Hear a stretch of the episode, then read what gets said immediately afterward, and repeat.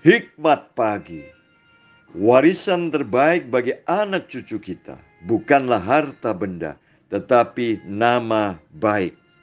Saudaraku, sebagai orang tua, siapa pun kita, baik kaya atau miskin, masih muda atau sudah tua, seharusnya sejak dini kita sudah memikirkan dan mempersiapkan warisan yang terbaik bagi anak cucu kita.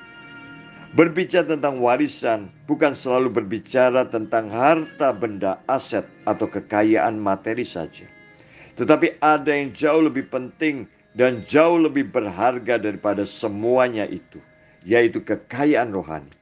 Dalam kitab Amsal 22 ayat yang pertama, dikatakan di situ, nama baik lebih berharga daripada kekayaan besar, dikasih orang lebih baik daripada perak dan emas.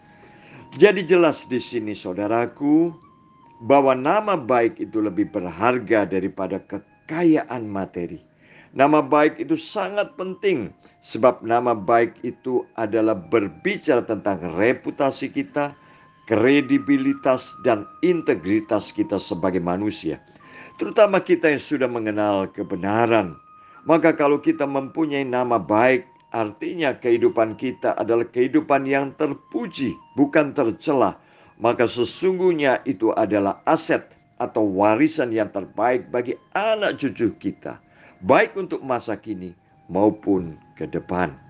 Bayangkan kalau saudara misalnya sebagai ayah tidak bertanggung jawab meninggalkan istri dan anak, berselingkuh, berzina, mabuk, judi, pasti akan melukai keluarga. Bagaimana kita bisa meninggalkan warisan terbaik bagi anak cucu? Yang jelas kita akan meninggalkan warisan yang buruk, warisan yang pahit bagi anak cucu kita.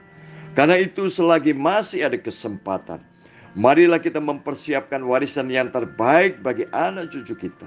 Hiduplah dengan bertanggung jawab bagi keluarga. Lakukanlah apa yang baik dan berkenan dan mempermuliakan nama Tuhan. Bekerjalah dengan jujur dan tekun dan berlakulah setia kepada istrimu. Maka sekalipun saudara tidak mempunyai harta yang berlimpah atau kekayaan yang besar, namun nama baik akan menjadi kebanggaan bagi anak cucu dan terlebih Tuhanlah yang akan memberkati mereka. Sebagaimana itu tertulis dalam Mazmur 37 ayat 25 dan 26.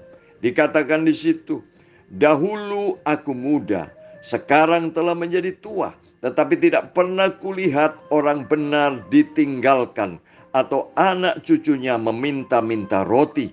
Tiap hari ia menaruh belas kasihan dan memberi pinjaman dan anak cucunya menjadi berkat.